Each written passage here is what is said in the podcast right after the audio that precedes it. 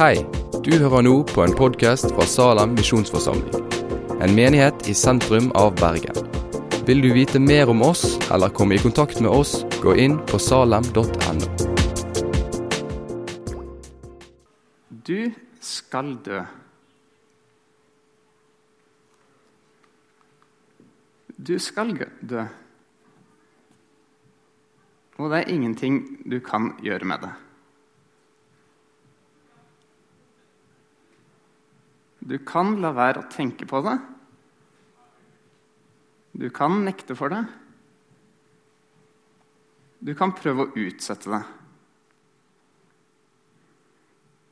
Men ingenting kan endre på det. Du skal dø. Det er ingenting som binder oss mennesker sammen som det. For enten vi er gamle eller unge, eller nordmenn eller vietnamesere, eller lever i 2017 eller 2500 før Kristus, så gjelder det samme. Vi skal dø. Og det er ingenting vi kan gjøre med det. Og vi vet jo dette, ikke sant? Det er logisk. Vi er mennesker. Mennesker dør. Men som regel virker det så fjernt. For vi er da 20-30, og vi lever jo til vi er i fall 80, tenker jeg. Men så iblant går det opp for oss, gjør ikke det? For besteforeldre dør. Etter hvert dør foreldre. Og døden kommer nær. Og da skjønner vi det, gjør vi ikke det? At det gjelder meg. Jeg skal dø. Jeg skal dø. Og det er ingenting jeg kan gjøre med det.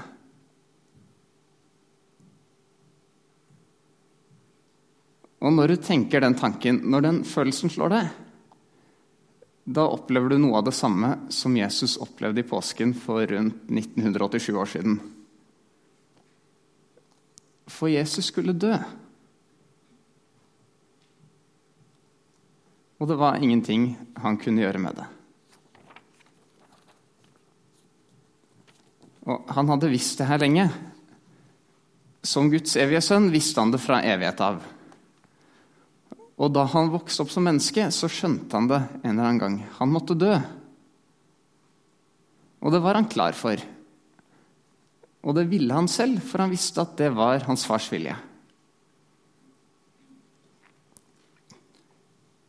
Men så, i påsken, så grep det ham. Det gikk opp for ham. Han skulle dø. Han som ikke trengte å dø. Han skulle dø. Han som kunne gjøre noe med det, og som var den eneste som ikke måtte dø. Han som kunne velge å ikke dø. Han skulle dø. Og så var det ingenting han kunne gjøre med det. Vi kan reise oss så leser vi fra Markus 14.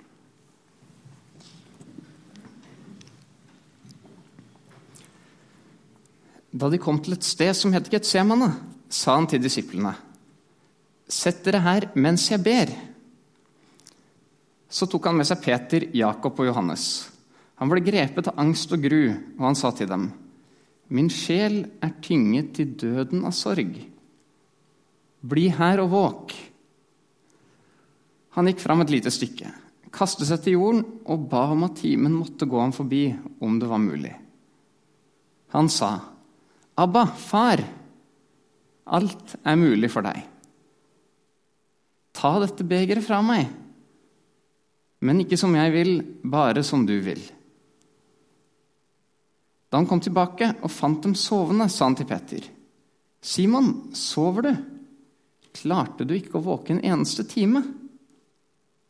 Våk og be om at dere ikke må komme i fristelse. Ånden er villig, men kroppen er svak. Igjen gikk han bort og ba med samme ord. Da han kom tilbake, fant han dem igjen sovende, for øynene deres var tunge av søvn. Og han visste ikke hva de skulle svare ham. Han kom til dem for tredje gang og sa, Dere sover og hviler fremdeles? Nå er det avgjort. Timen er kommet. Menneskesønnen skal overgis i synderes hender. Stå opp, la oss gå. Han som forråder meg, er nær. Dette er Herrens ord.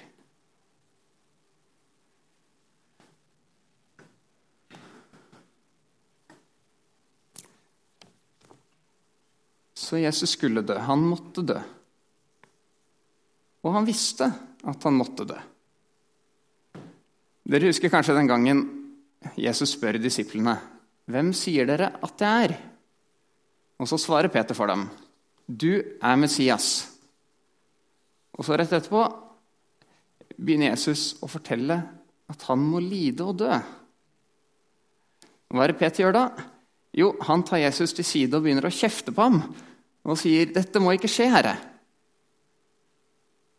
Så svarer Jesus brutalt, 'Vik bak meg, Satan'. Og Det var vel ikke akkurat det Peter forventet å høre. Han ville jo bare det som var best for Jesus. ikke sant? Han ville ikke at han skulle lide, han ville ikke at han skulle dø. Han ville han skulle slippe. Men Jesus han var en annen Messias enn det disiplene og de andre jødene forventet. Og det var en sånn tvingende nødvendighet over det her. Han måtte dø, sånn at alt som ville lede ham vekk, om det så var hans beste venn, var det en fristelse fra djevelen selv. For det fantes ingen annen vei. Jeg har tenkt, Hvis det fantes en annen måte, en lettere måte, da hadde vel Gud gjort det slik? Men så fantes det ingen annen måte. Guds sønn måtte dø. Og døden den er på mange måter enden på den veien som Jesus måtte gå. Det er den veien vi oppsummerer i trosbekjennelsen. Han ble unnfanget ved Den hellige ånd, født av jomfru Maria, pint under Pontius Pilatus, korsfestet, død og begravet.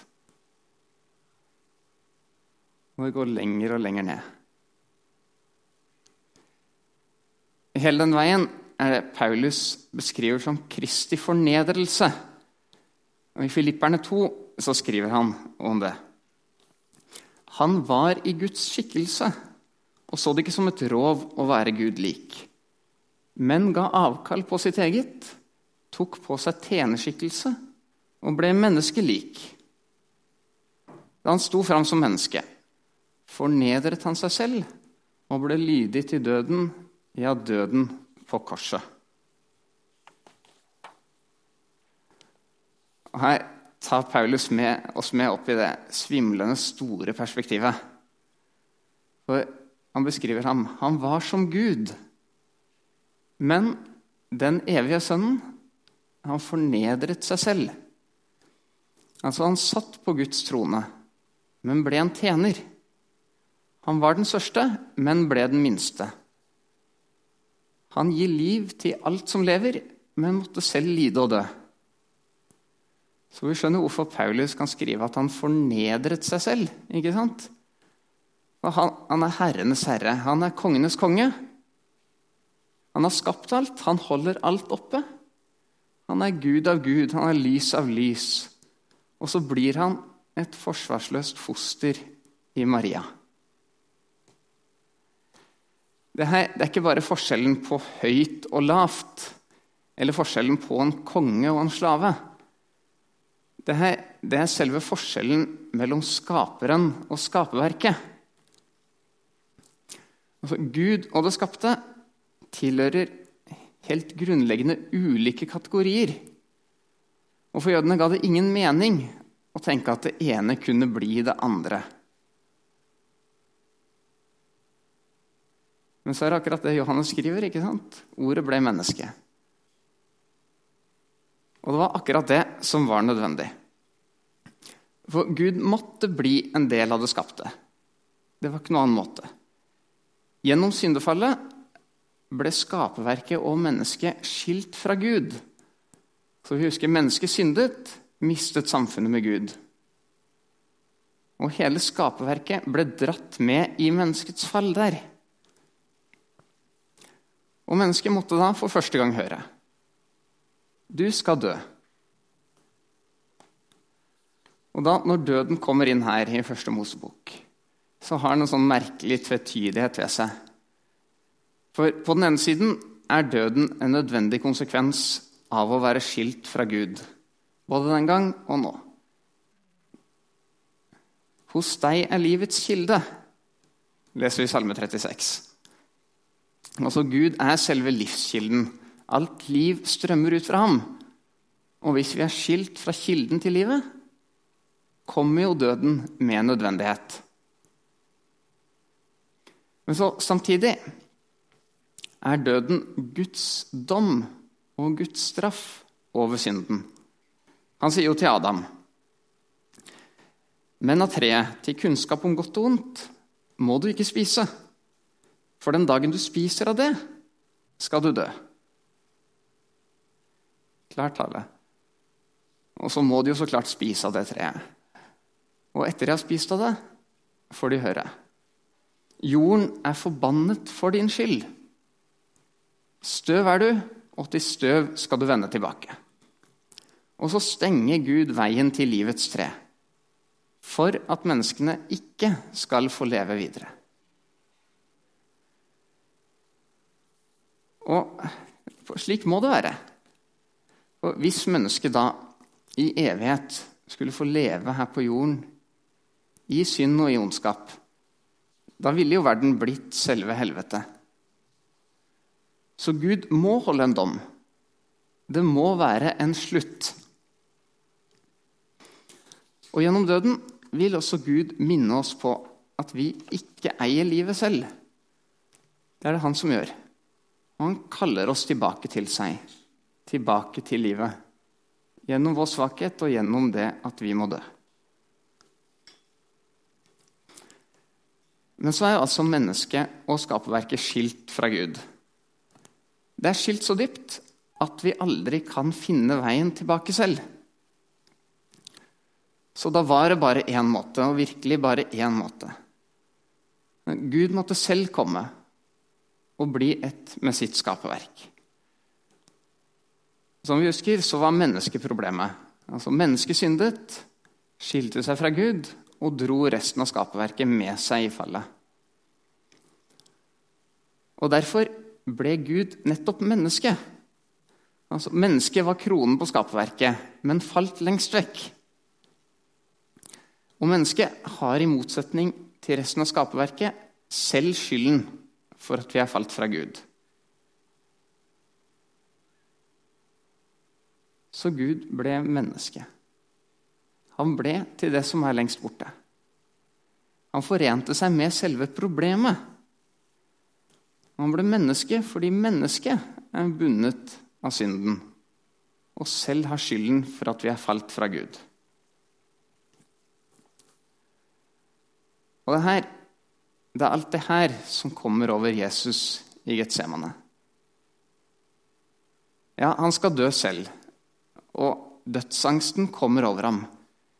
Men i tillegg så bærer han der både skaperverkets adskillelse fra Gud og hele menneskehetens synd og skyld. Så det er ikke rart at han bryter ut. Min sjel er tynget til døden av sorg. Det er ikke rart at han ber, Abba, far, alt er mulig for deg. Ta dette begeret fra meg. Men så vet han samtidig at Gud ikke kan ta begeret fra ham. Så han kan bare overgi seg. Men ikke som jeg vil, bare som du vil.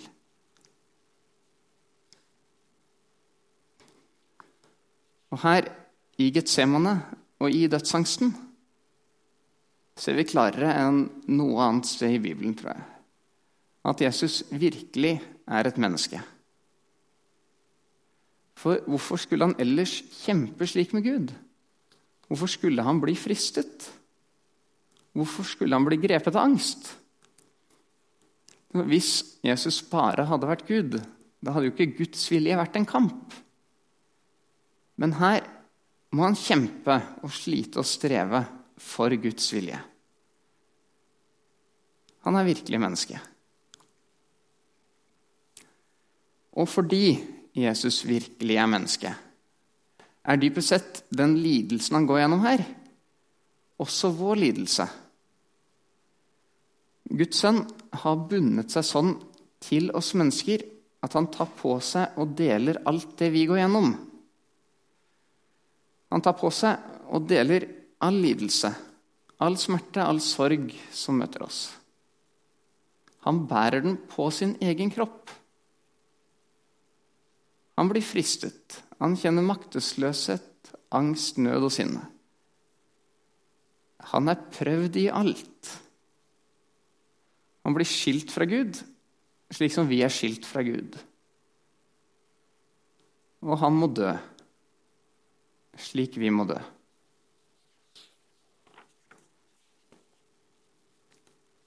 Oldkirken fanget det her i en sånn nydelig formulering. En kirkefadder på 300-tallet som het Gregor, han kom fra Nasians, som ligger i dagens Tyrkia, han skrev i et brev til presten Kleodonius Det han ikke har tatt på seg, har han heller ikke leget. Det han ikke har tatt på seg, har han heller ikke leget. Det han mener, det er at Gud måtte bli et helt menneske for at hele mennesket kunne bli frelst. Opprinnelig ble det sagt imot en vranglærer som heter Apollinarius. Og han Apollinarius han sa at Jesus han var Gud og menneske, ja, men han var det på den måten at Guds sønn kom ned og tok plassen til sjelen inni mennesket Jesus. Sånn at Jesus Kristus, det var Guds sønn i en menneskekropp. Men da ble jo sjelen, intellektet, sinnet vårt, alt det innvendige mennesket, det ble borte. Og Gud hadde ikke blitt et fullt og helt menneske, han hadde bare blitt en bit av mennesket. Så nei, sier vår gode venn Gregor. Gud måtte bli et helt menneske. Et menneske med kropp og sjel og ånd og intellekt og alt annet som til sammen er menneske. Bare slik kunne han frelse hele mennesket. Jeg tar dette opp fordi det har vært en sånn kampsak gjennom hele kirkens historie. Vi må tro på og snakke om Jesus som både fullt og helt sann Gud og fullt og helt sant menneske.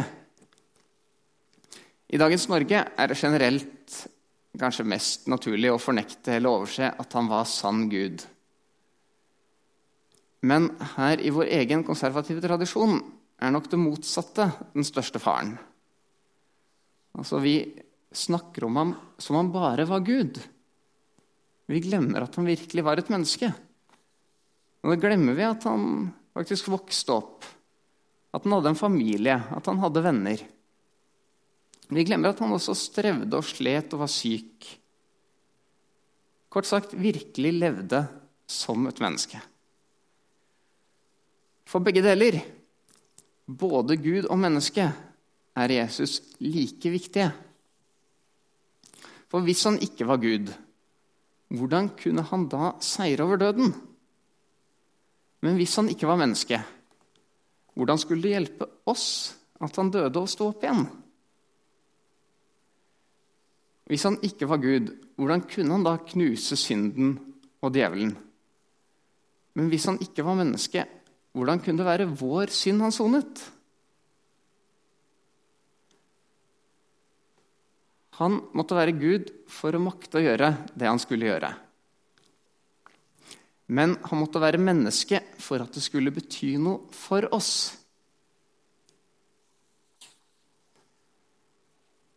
Og det er det her denne regelen fra Oldkirken opprinnelig ble brukt for å vise. Det han ikke har tatt på seg, har han heller ikke leget. Men den kan også brukes videre med like stor rett. For det han ikke har tatt på seg, har han heller ikke leget. Så Derfor måtte han leve et fullt menneskeliv. Det er ikke sånn at Jesus ble Guds sønn da han ble født, eller da han ble døpt, eller da han ble korsfestet, eller da han sto opp igjen fra graven. Nei, han var det helt fra unnfangelsen av. Som Gud ble han et lite embryo. Som Gud vokste han ni måneder inni Maria. Som Gud ble han født. Som Gud måtte han flykte som nyfødt. Som Gud vokste han opp. Og han måtte lære å spise og snakke og gå og alle de helt banale tingene som vi også må lære. Og videre, da, fordi vi mennesker blir fristet, måtte også han bli fristet. Fordi vi mennesker lider, måtte han lide. Fordi vi kjenner angst og sorg og smerte, måtte han kjenne angst og sorg og smerte. Og positivt også, fordi vi kjenner glede og vennskap og godhet. Så fikk også han kjenne glede og vennskap og godhet. Han tok på seg alt og deler alt og kjenner alt. Og det er derfor at han også kan være med oss i alt som vi opplever. Både av glede og smerte.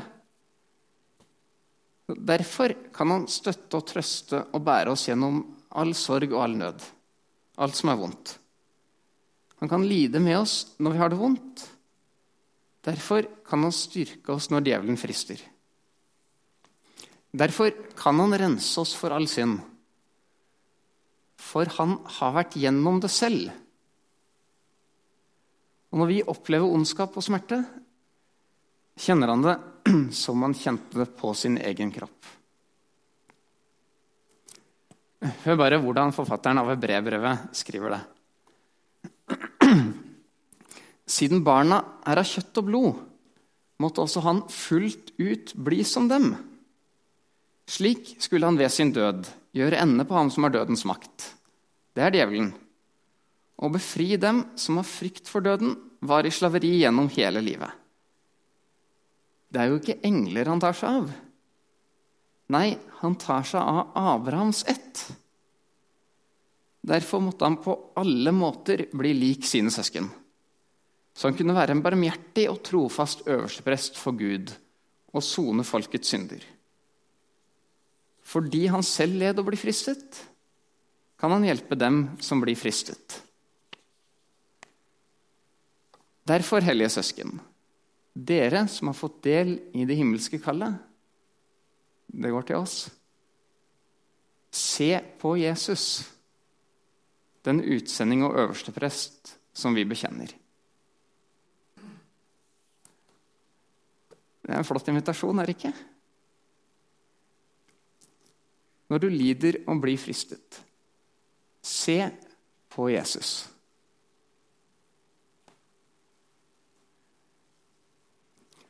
Alt det jeg har sagt, kan egentlig oppsummeres veldig kort. Fordi vi dør, måtte Jesus dø. Men det motsatte, hvis vi snur på det, er like sant for oss kristne. Fordi Jesus døde, skal vi dø. Paulus han skriver i Romerne 6.: Vet dere ikke at alle vi som ble døpt i Kristus Jesus, ble døpt til hans død? Vi ble begravet med ham da vi ble døpt med denne dåpen til døden. Og som Kristus ble reist opp fra de døde ved sin fars herlighet, skal også vi vandre i et nytt liv. Har vi vokst sammen med Kristus i en død som er lik hans, skal vi være ett med ham i en oppstandelse som er lik hans. Altså, I dåpen blir vi ett med Kristus. Vi binder sammen med ham i hans død, og vi binder sammen med ham i hans oppstandelse. Dermed skal vi hele tiden, hele vårt liv, dø for synden og leve et nytt liv for Gud. For vi er døde, og vi er blitt levende igjen. Synden har ikke makt over oss. Det har bare Gud. Det her, det gjelder fullt og helt. Det gjelder allerede nå. Den store overgangen fra død til liv har allerede skjedd. For den skjedde da vi ble døpt. Den skjer når vi tror. Men likevel så opplever vi fristelse. Gjør vi ikke det? Likevel synder vi igjen og igjen. Vi går og sleper på det gamle mennesket, og vi blir aldri kvitt det. Uansett hvor mye vi prøver å holde det nede og sliter og strever med å bli kvitt det. Det er bare én måte vi kan bli fullt og helt fri. Vi må dø. Vi kan ikke slippe unna. Jesus ba om å få slippe, husker det? Men Gud tok ikke vekk hans lidelse eller død eller smerte. Og det har ikke Gud sagt han vil gjøre for oss heller. Vi må fremdeles dø, fysisk og kroppslig. Synden og døden sitter så fast i oss at det bare finnes én måte. Vi må dø.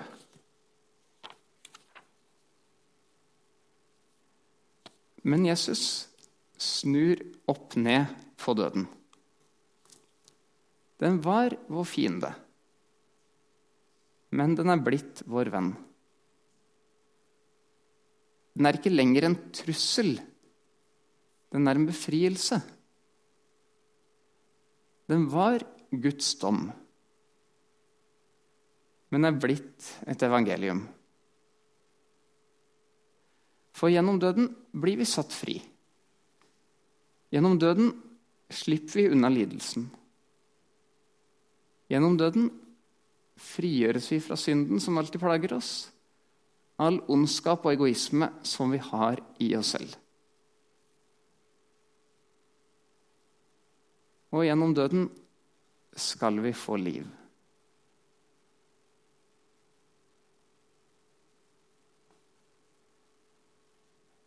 Etterpå skal vi feire nattverd. Og det er ingen steder som der vi så tydelig og fysisk får livet. Jesus sier i Johannes 6.: Jeg er livets brød. Den som spiser min kropp og drikker mitt blod, har evig liv, og jeg skal reise ham opp på den siste dag. Den som spiser min kropp og drikker mitt blod, blir i meg, og jeg i ham. Jeg vil si tre ting om nattverden som vi kan ta med oss fram etterpå. For det første nattverden er ikke bare et billig symbol. Selv om vinen og brødet ikke slutter å være vin og brød, er det samtidig fullt og helt og sant og virkelig Jesu kjøtt og Jesu blod. Hvordan det kan være slik, det er en annen sak. Det kommer vi aldri til å skjønne fullt ut. Men det er det store mysteriet i nattverden. Brød og vin, kropp og blod samtidig. Og for det andre det her det er samme kropp og samme blod som Jesus hadde da han levde, da han led og han døde. Det er samme kropp som ble reist opp fra graven, og som lever evig. For ordet ble menneske, leser vi i Johannes. Men står det noe sted at ordet sluttet å være menneske? Nei, tvert om. Jesus ble tatt opp til himmelen i kroppen som menneske. Og for det tredje brød og vinden, Jesu kropp og blod, har selve oppstandelsen og det evige livet i seg. For det er jo samme kropp som sto opp fra graven og lever evig. Så når vi så spiser og drikker det, da blir det ett med oss. Slik som Gud og mennesket ble ett i Jesus, blir vi ett med Jesus her i nattverden. Og så spiser og drikker vi de samme kreftene som vant over døden og djevelen og synden. Nå, synden blir tilgitt. Døden blir utsletta. Oppstandelsen og det evige livet blir helt konkret, som annen mat og drikke. En del av vår egen kropp. En av de tidligste kirkefedrene, Ignatius av Antiokia, han kalte nattverden et legemiddel mot døden. Det er et nydelig uttrykk, er det ikke? En medisin som gjør oss friske fra selve døden. Sånn er derfor, selv om vi må dø, at Paulus kan se framover mot oppstandelsen og si Og når dette forgjengelige er kledd i uforgjengelighet, og dette dødelige er kledd i udødelighet, da oppfylles det som står skrevet. Døden er oppslukt, seieren vunnet. Død, hvor er din brodd? Død, hvor er din seier?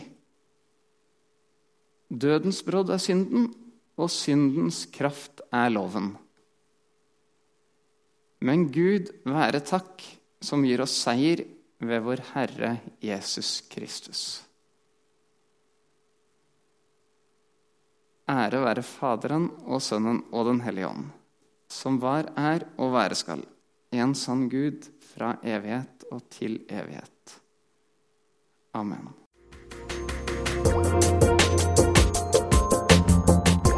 Takk for at du har hørt på podkasten fra Salem, Bergen. I Salem vil vi vokse i et stadig dypere fellesskap med Gud og med hverandre. Vi vil være Jesu hender og føtter, og vi vil være med å forkynne frelse for Bergen og resten av verden. Besøk oss gjerne på salem.no om du vil vite mer.